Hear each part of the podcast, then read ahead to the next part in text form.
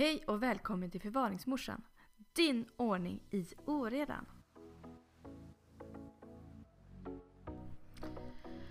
Okej, förra veckans podcastavsnitt som liksom inte blev av. Eh, jag ber om ursäkt på förhand men tekniken vill inte med mig. Eh, och jag beslutade därför att skita i att lägga upp den så att den finns ändå att lyssna på på min Instagram-profil. Och istället så släpper jag det här avsnittet där jag går igenom om hur jag har rensat hela mitt hem. Häng med!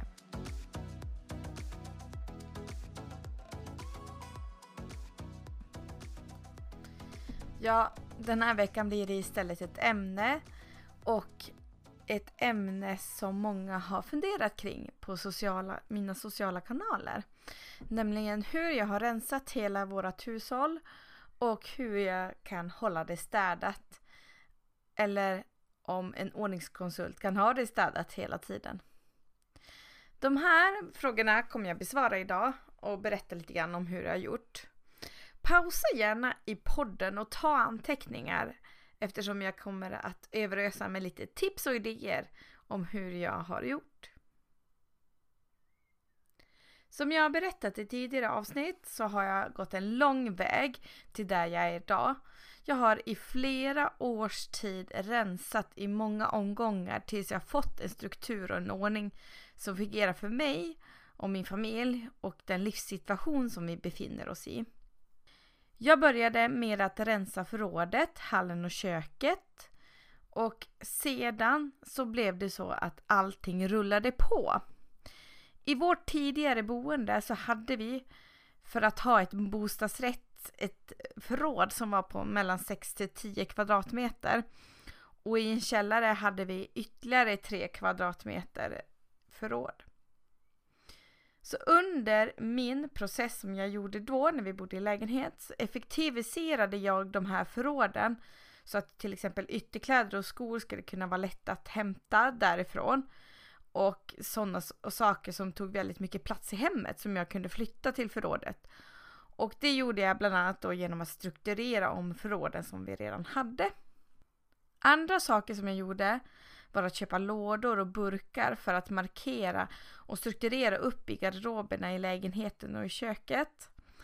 Och det här gjorde också att när vi flyttade tre år senare så gick den här flyttpackningen ganska snabbt eftersom det många grejer låg i lådor eller var lätt att sortera upp och lägga i flyttlådorna.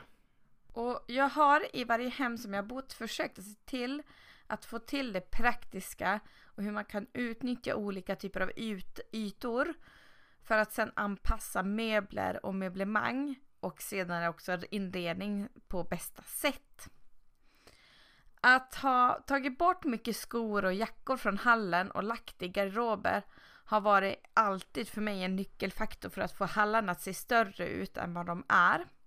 Jag har också försökt att ha rätt avskalade inredningar i sovrummet för att också skapa så lite distraktion som möjligt. Och det här har varit ännu viktigare de gånger jag har bott i lägenheter där vi också har haft kontor i sovrummet. Och då blir det också extra viktigt att kunna ha så enkla medel som möjligt så att när du sitter och arbetar att du inte tas upp av andra saker som finns i rummet som kan distrahera dig. Och det finns nog inte ett enhändigt system som funkar för alla utan man måste se till hur varje hem ser ut och hur familjen lever för att kunna skaffa den bästa möjliga lösningen.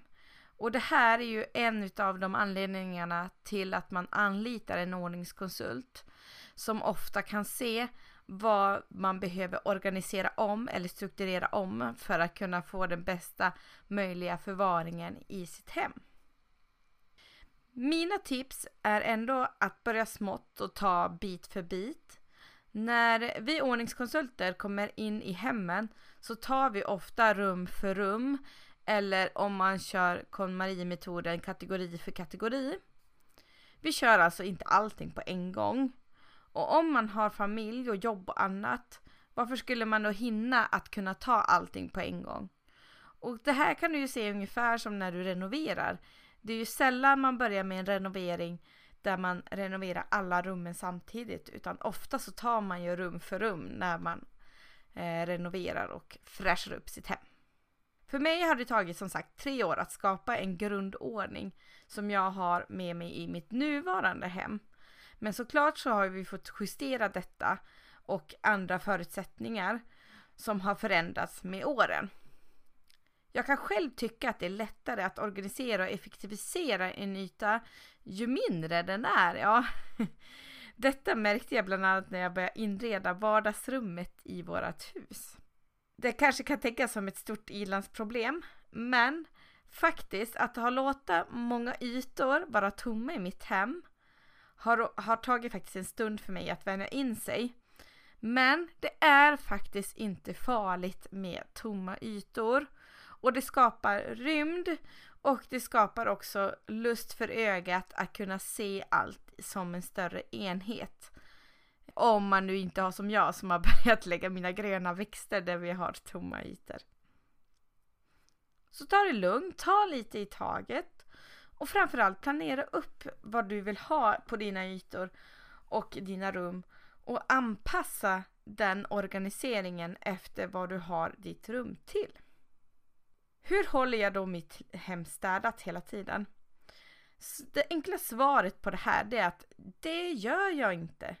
Men jag tillåter även inte att det ska gå för långt mellan gångerna där jag inte städar eller organiserar och har alltid en strategi för hur jag ska komma tillbaka till det här. Och dessutom så hade vi under två års tid, de första två åren vi bodde i huset, hemstäd som vi faktiskt slutade med här innan jul. Detta gjorde vi för att vi ville prioritera annat än att städa och det rymdes även i vår budget att göra så. Men idag så har vi då ett tänkt städschema som ruckas faktiskt från vecka till vecka. Men vi har ändå en grund där vi försöker att dammsuga två våningar i vårat hus varje vecka samt städa toaletterna och försöka att en gång i månaden ha en grovstädning där vi dammtorkar, våttorkar och grundstädar toaletten eller badrummen väldigt noga. Det här skiljer sig väldigt mycket mot när vi bodde i lägenhet där vi fick grovstäda mycket oftare och våttorkade lägenheten ungefär en gång i veckan. Och där vi också tror jag tog toaletten och också grovstädade dem en gång i veckan. Så att hem kan ha helt olika förutsättningar beroende på vilket typ av boende som man har. Så se efter vad du har för hem och vilka anpassningar du kan göra. Sedan behöver du också fundera över varför du ska städa och i vilket syfte du ska städa. Jag kan känna att jag själv är väldigt noga med toaletterna då jag avskyr urinlukt och skvätt på kakel från saker som jag inte ens vill veta vart de kommer ifrån. Det här kan ha att göra också med att jag har jobbat inom äldreomsorgen väldigt många år och har förutom att tagit hand om äldre eller personer med funktionshinder även fått städa de här hemmen. Och jag tror att jag har sett det mesta i vad ett hem kan se ut, i hur ett hem kan se ut. Jag har även i tidigare inlägg på Instagram även pratat om detta, det här med bakterier och smuts och myten kring just det här. Och bakterier, de lever bara där liv finns. Alltså så kan inte bakterier leva i dammtussar. Däremot så kan de ju finnas på ytor där vi människor eller djur tar väldigt ofta. Och därför kan det ju vara så också att lever man i ett hem med djur så kan det också finnas mer bakterier än ett hem utan djur. Men men, där det i alla fall finns eller kan finnas bakterier är alltså där vi rör oss väldigt mycket. Så ofta så finns det ju då kanske på handtag, på skåp, på um, ytor där vi till exempel tar väldigt ofta. Det kan vara till exempel nyckelskåp eller nycklar och sådana saker. Nu är det ju så att bakterier dör ju efter en viss tid. Så man kanske inte behöver tänka på att städa kanske varenda liten vrå hela tiden. Men lika mycket som att vi tvättar våra händer och spritar våra händer nu eftersom vi har en, en utåtgående pandemi så kan man också tänka på att sådana ytor där man vistas väldigt många och där man tar väldigt mycket på att man vill man bli av med bakterierna så kan man också se till att städa de ytorna lite oftare. Så det kan ju vara bra till exempel att torka av handtaget på, på toalettdörren eller handfatsblandaren som du har. Men men, vidare till det så är det ju så att det är inte bakterierna i sig som jag i alla fall är rädd för. Jag tycker själv att lite skit i hörnen, eh, det renar bara själen.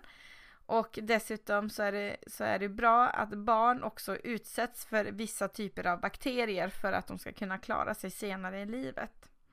Däremot så tar jag undan smutsfläckar från skåp och möbler. Därför att våra händer innehåller fett. Fett byter ner materia och kan dessutom missfärga vissa ytor. Och det är ju faktiskt därför man har till exempel bomullshandskar när man handskas med, med antika prylar. Och det är för att fett inte ska komma på de här antika prylarna så att de går sönder så småningom. Dessutom så tycker jag att det ger ett fräschare intryck. Så jag har alltid en flaska redo med ättika blandat med vatten och citron. Som jag sprayar på fläcken och torkar bort med en blöt eller en torr mikrofiberduk. Och det här är ju lite oro också oro beroende på vilken fläck eller materia det, det, det jag ska torka på också. Men det är det som jag använder mest. Men allt handlar om att skapa faktiskt en rutin och en organisation som funkar för dig. Att jag har fått till de här rutinerna som har tagit tid och som jag sagt så är det också att man har en tillåtande attityd att det inte alltid behöver vara så heller. Du ska inte behöva bli stressad för att du i vissa perioder inte hinner med städningen och att du inte hinner med att plocka undan och sådana saker. För det är så våra liv ser ut. Alltså våra liv kan inte se ut som en Instagram eller eh, vad heter det, Pinterest-bild hela tiden. Men jag vill ändå ge tre enkla tips. 1. Skapa en grundrutin och försök ha det under ett halvår och testa fram den här grundrutinen. Här vill jag även slå, slå ett slag för att ha till vana att alltid ha någon eller några fasta städdagar som planeras in så att det här blir av. Att även skaffa en korg eller en bytta att samla alla små saker som ligger här och var är också bra. Skräpkorgen, eller ja, som det blir, är, blir ett samlingsställe som tar bort distraktion av saker som ligger huller om buller. När den är full, eller jag har 15 minuter över, brukar jag gå igenom den och lägga tillbaka alla saker där det hör hemma. 2. Ta hellre lite i taget än att ta allting på en gång. Även städet. För det blir lätt en hel dag om man tar i och då skjuter man ofta framför sig det här. Och glöm inte att om du har rensat och organiserat det hem före så kommer det gå mycket lättare att städa också. För då vet du vart alla saker ska ligga och slipper springa runt och flytta på saker hit och dit hela tiden. 3. Ha för vana att börja och avsluta dagen med lite fasta rutiner. För mig är det att plocka undan i hallen köket innan jag går och lägger mig samt ofta också ladda kaffepannan för dagen efter. På morgonen börjas det med att samla lite tankar. Jag skriver ner dagens göra-listor. Jag planerar ibland också mitt matintag för dagen, mellanmål och sådana saker. Och vad som kommer hända under dagen.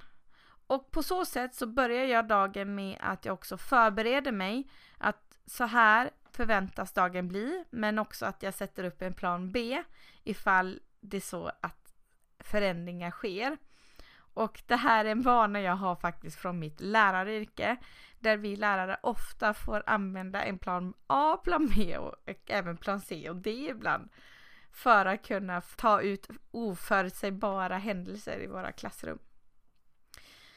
Vi ordningskonsulter har också perioder då vi kommer efter i våra hem och tro mig, jag tror att när vi när, när jag brukar samlas med andra ordningskonsulter så pratar vi ofta mer om hur vi själva inte har organiserat och rensat i vårt hem eller hur vi skulle kunna förbättra det än att vi faktiskt aldrig är nöjd med hur vårt hem ser ut.